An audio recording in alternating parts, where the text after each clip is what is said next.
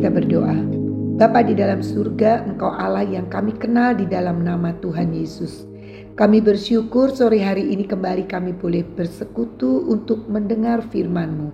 Kami boleh datang dan kami boleh memiliki kesempatan untuk belajar kembali akan kebenaran-Mu. Mari berbicaralah kepada kami, ya Roh Kudus.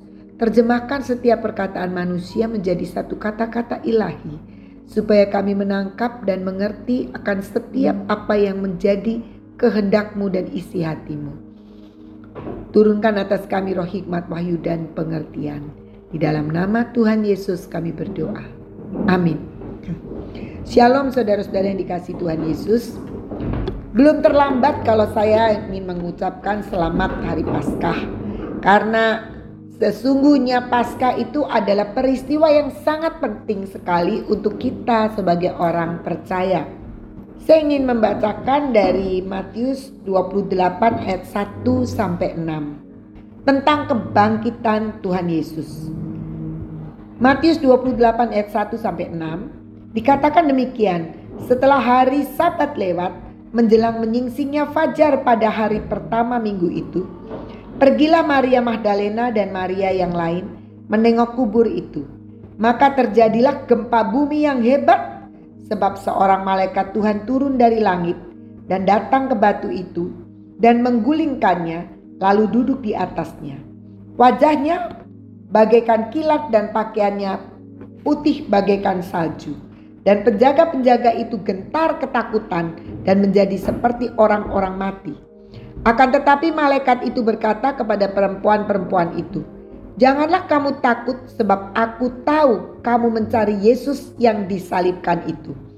Ia tidak ada di sini sebab ia telah bangkit. Sama seperti yang telah dikatakannya.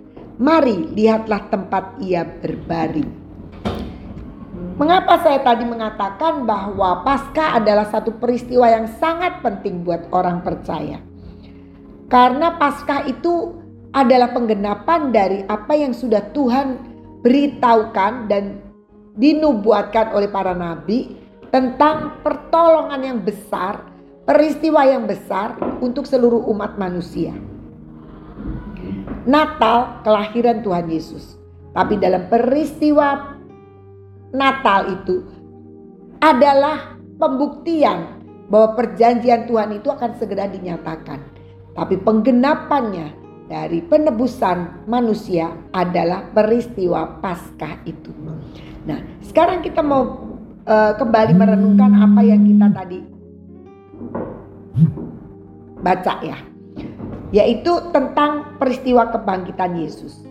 Kita akan bicarakan bahwa pada waktu itu Maria Magdalena dan Maria yang lain menengok kubur Yesus.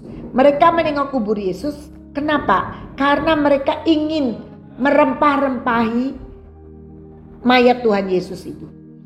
Mereka datang, ingin datang ke kubur dan kemudian mereka ingin merempah-rempahi sebagai tanda hormat, tanda kasih, tanda cintanya kepada Tuhan Yesus.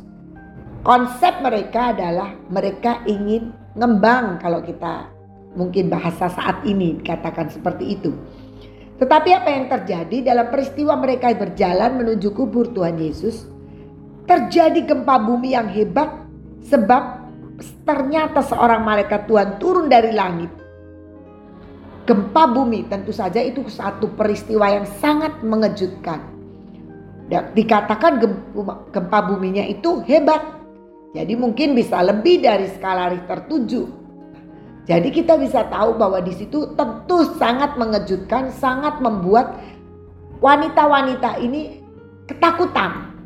Dan mereka kemudian menyaksikan bahwa ada malaikat Tuhan turun dari langit dan datang ke batu itu dan menggulingkannya.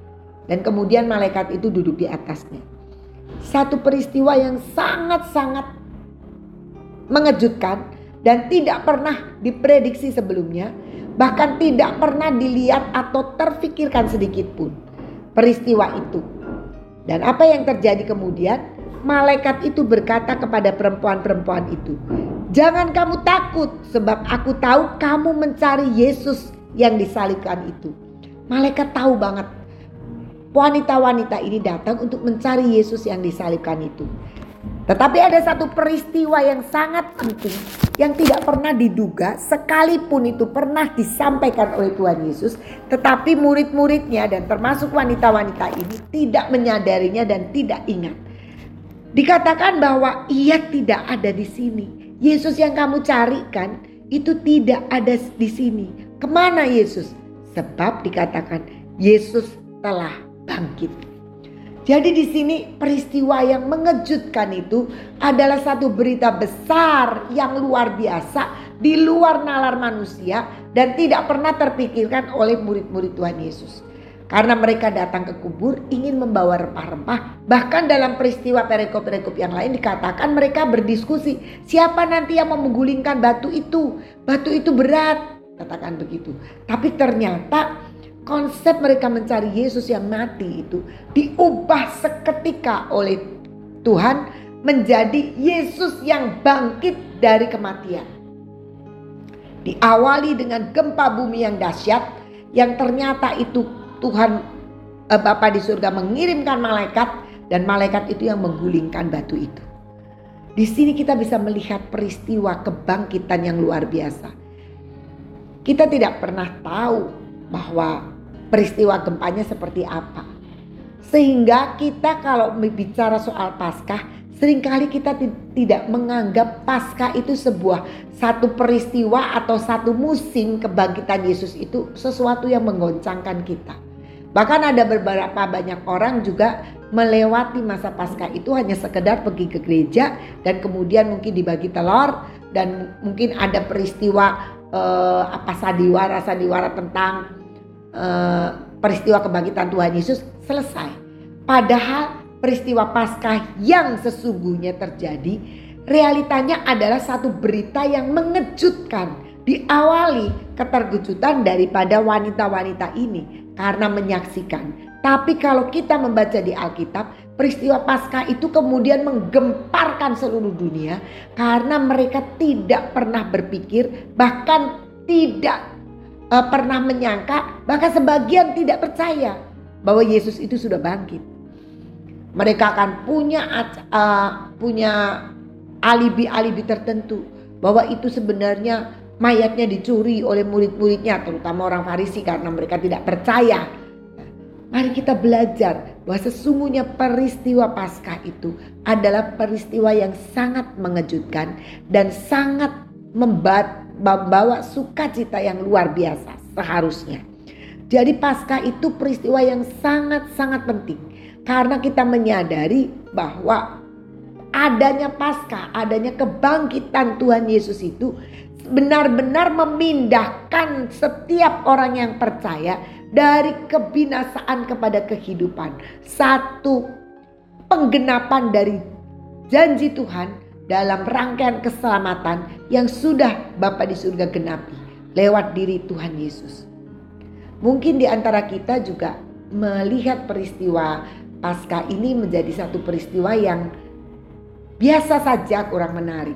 Coba kita lihat kalau Natal ya.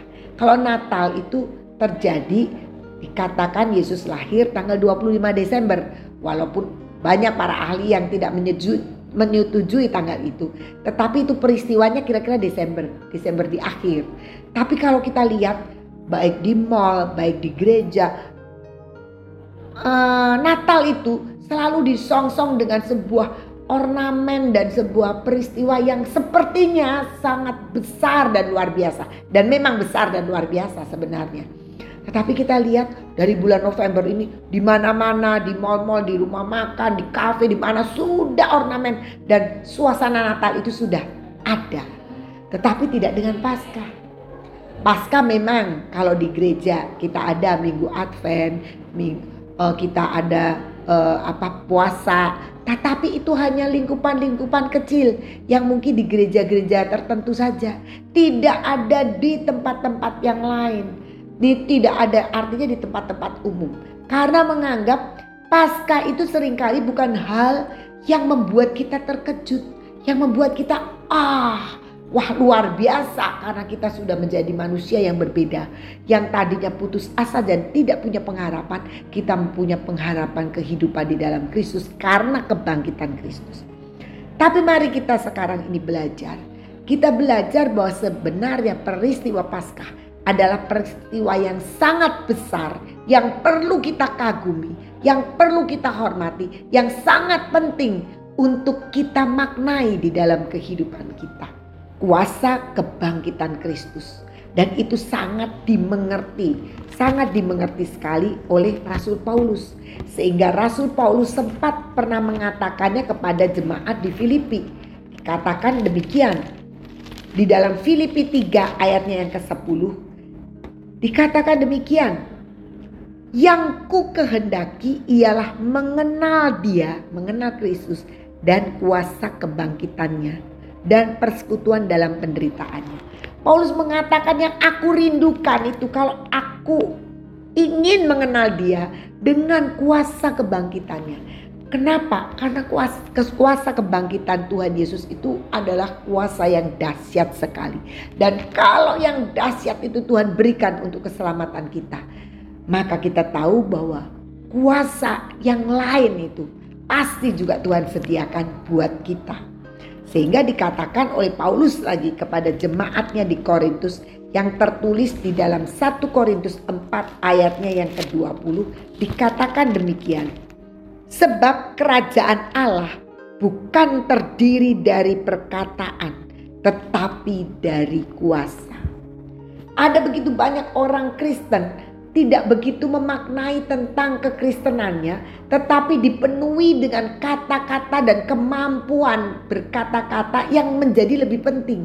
Padahal dikatakan di sini kalau kita sudah bicara tentang kerajaan Allah, maka terdiri dari kuasa Allah. Kuasa Allah itu seperti apa? Ya kuasa kebangkitan itu. Kuasa yang ber, membangkitkan Tuhan Yesus yang benar-benar menjadikan kematian itu sudah menjadi kemat, ke, di belakang kita. Karena dalam kematian itu tidak ada harapan. Tetapi Tuhan membalikkan kematian itu menjadi kehidupan yang sejati. Diawali dengan kebangkitan Kristus. Kristus disalibkan, Kristus mati, menderita, itu memikul seluruh dosa manusia. Dan tapi kemudian Kristus bangkit pada hari yang ketiga. Dan itu adalah kuasa yang dahsyat yang harusnya menjadi satu keheranan buat kita, menjadi satu uh, peristiwa yang sangat penting buat hidup kita dengan kebangkitan Kristus itu. Saya ingin uh, menceritakan ketika saya mendapatkan uh, pengertian dan pemahaman tentang kerajaan Allah itu bukan terdiri dari perkataan tetapi dari kuasa saya belajar untuk menghidupi. Menghidupi bahwa di dalam detik-detik hidup kita sekarang ini sebagai orang percaya. Kita tidak lagi hidup hanya dengan sebuah kata-kata. Saya tidak mengatakan tidak boleh kata-kata itu. Tetapi kuasa Allah itu harus menghidupi setiap hidup kita. Artinya kita sering kali mungkin membaca firman dan kita tahu firman Tuhan itu tertulis di dalam Alkitab. Tetapi sepanjang itu hanya merupakan hafalan.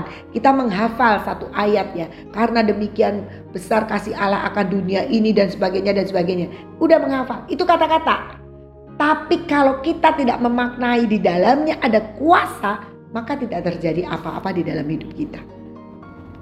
Tetapi kalau kita menyadari setiap langkah kita itu langkah yang berbicarakan tentang kuasa kebangkitan, kuasa yang dahsyat. Saya berikan contoh. Beberapa waktu yang lalu saya punya seorang pembantu yang sampai sekarang masih bekerja di saya. Dia sudah beberapa tahun bekerja di tempat saya. Biasanya dia akan pulang kampung itu di akhir tahun dan di uh, lebaran. Dia pulang. Dan biasanya dia akan pulang itu bukan waktu lebaran satu dua hari kemudian pulang. Enggak, dia akan pulang itu kadang-kadang 10 hari sebelum lebaran. Kadang-kadang dua minggu sebelum lebaran. Dan saya biasanya izinkan kenapa? Karena memang dia tidak pernah pulang sepanjang bulan-bulan antara uh, Lebaran dan Natal itu. Dan biasanya sulit untuk dia diminta, ehm, kamu mundur lagi ya gitu. Biasanya dia sulit. Dia selalu bilang, iya bu, aku mau pulang, aku mau pulang tanggal segini. Nggak bisa digeser, paling bisa digeser jam. Kalau tadinya dia mau pulang jam 1, saya bilang tunggu. Kan biasanya saya antar dia. Karena dia kerja di tempat saya dari waktu masa dia masih sangat muda lulus SMP. Jadi saya tidak berani untuk melepas dia dan biasanya kami antar. Nah paling mundur-mundur sampai jam 4 sore gitu kan. Tapi kalau itu pun dia biasanya sudah tunggu di luar. Uh dengan badan yang sudah lengkap. Kapan bu berangkatnya? Kapan bu berangkatnya gitu. Karena dia salah biasanya seperti itu. Kemarin ini pembantunya ibu saya di Jakarta dia juga saya ambil dalam uh, pembantu yang sekampung dengan pembantu saya ini. Dan ternyata pembantu yang ada di ibu saya itu waktu beberapa waktu yang lalu saya tanya, kamu mau pulang kampung kapan? Dia bilang tanggal 18. Jadi H minus 4 hari ya. Saya mau pulangnya tanggal 18 aja. Nah, dia itu pernah uh, ikut di ibu saya karena dari pembantunya saudara saya tantenya. Jadi saya dikenalkan dari situ. Jadi saya pikir dia ketika sampai di Cirebon nanti dia akan pulang dengan tantenya. Ternyata tantenya ini akan pulang tanggal 16 lebih dulu. Sedangkan saya sudah beliin tiket dia tanggal 18 karena saya tanya e, kamu pulang kapan? Tanggal 18. Ya sudah saya beliin tiket dari Cirebon saya beliin tiket. Kan online ya. Jadi saya beliin tiket dia pulang tanggal 18. Ketika saya uh, tanya itu tantenya itu nanya tanggal 18 kan?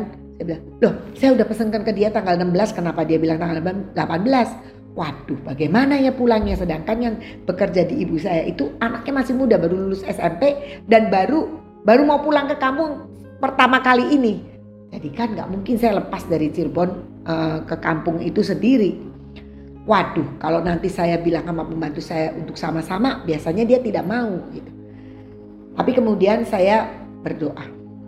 Awalnya begini, saya bicara dulu dengan tantenya si pembantu yang di Jakarta ini.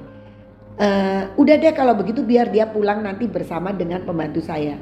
Pembantu saya itu juga masih uh, ponakan dia juga. Iya kalau mau. Kemungkinan tidak mau karena dia tahu nih si tante ini tahu kalau ini anak selalu mau pulang duluan. Saya bilang gini, oke, okay, kamu jangan ngomong dulu tapi saya tahu dia sebenarnya sudah terlanjur ngomong. Tapi saya bilang ini, kamu jangan ngomong dulu ya.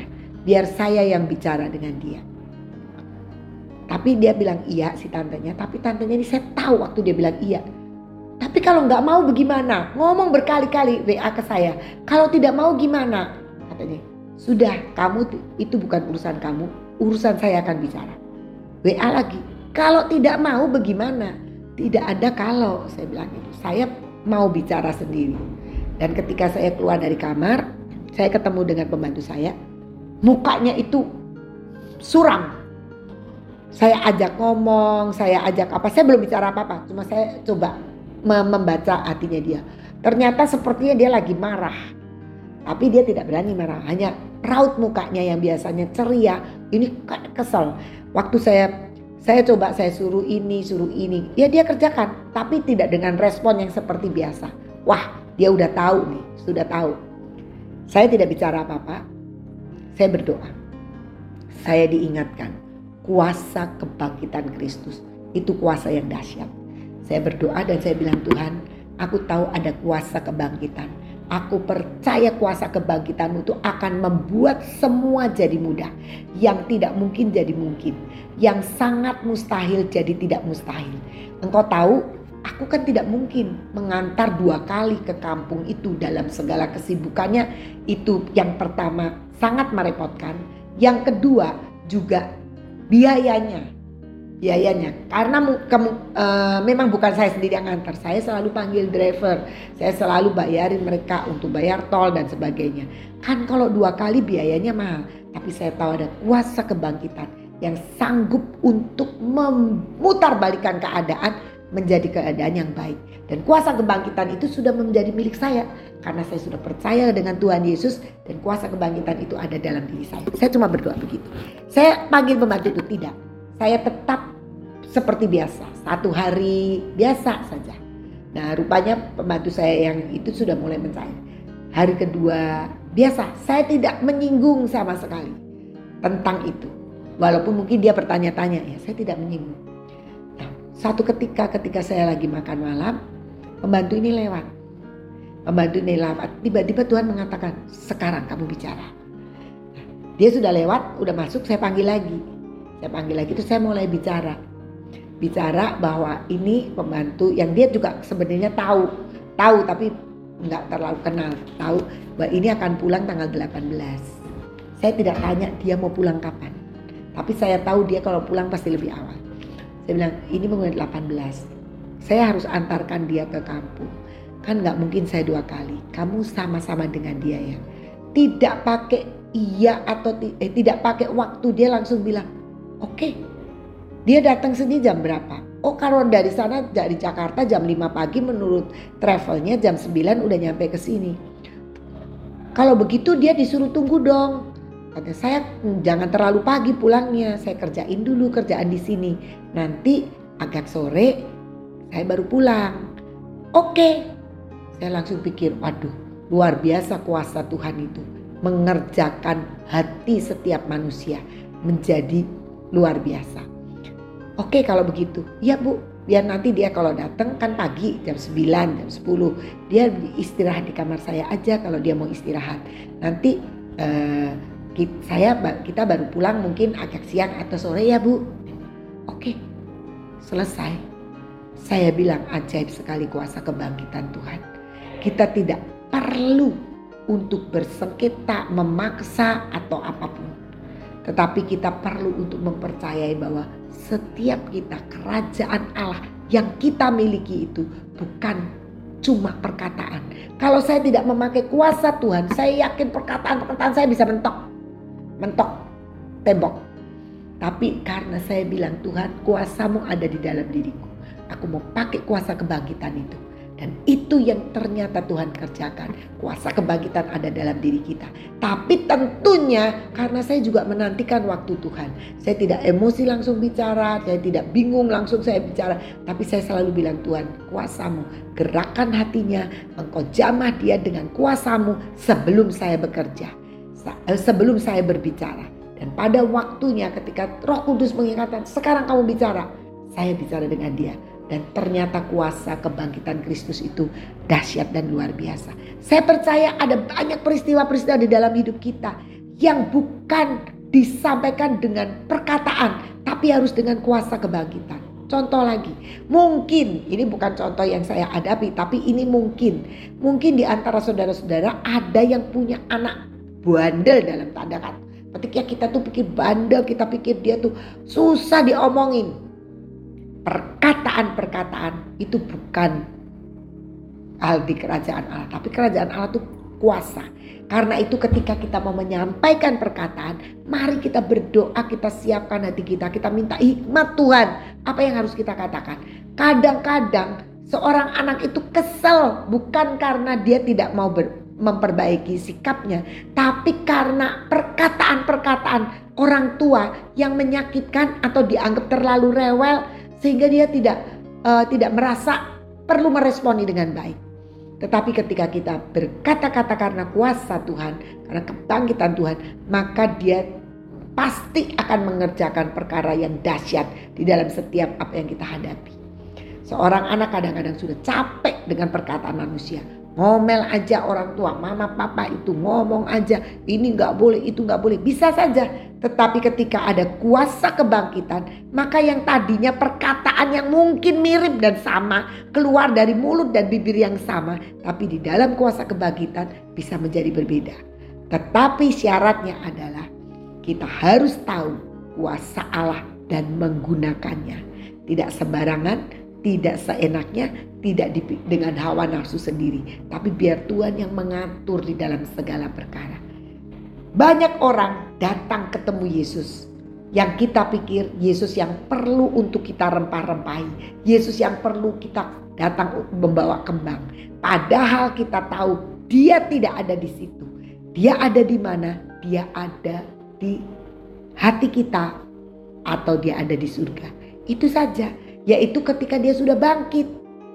Tapi kita sering kali datang kepada Yesus maunya kita, kita yang hidup Yesus yang mati. Jadi kita merempah-rempahi dia. Padahal faktanya adalah dia hidup membuat kita yang mati jadi hidup. Jadi kita harus menghidupi hidup kita menjadi hidup yang penuh dengan kuasa Allah. Paulus pernah mengatakan, "Namun aku hidup, tetapi bukan aku sendiri yang hidup, tapi Kristus yang hidup di dalam aku." Yaitu kuasa kebangkitan Kristus yang hidup di dalam aku. Jadi ketika kita menghidupi, mari kita hidupi kuasa kebangkitan Kristus itu dalam keseharian kita.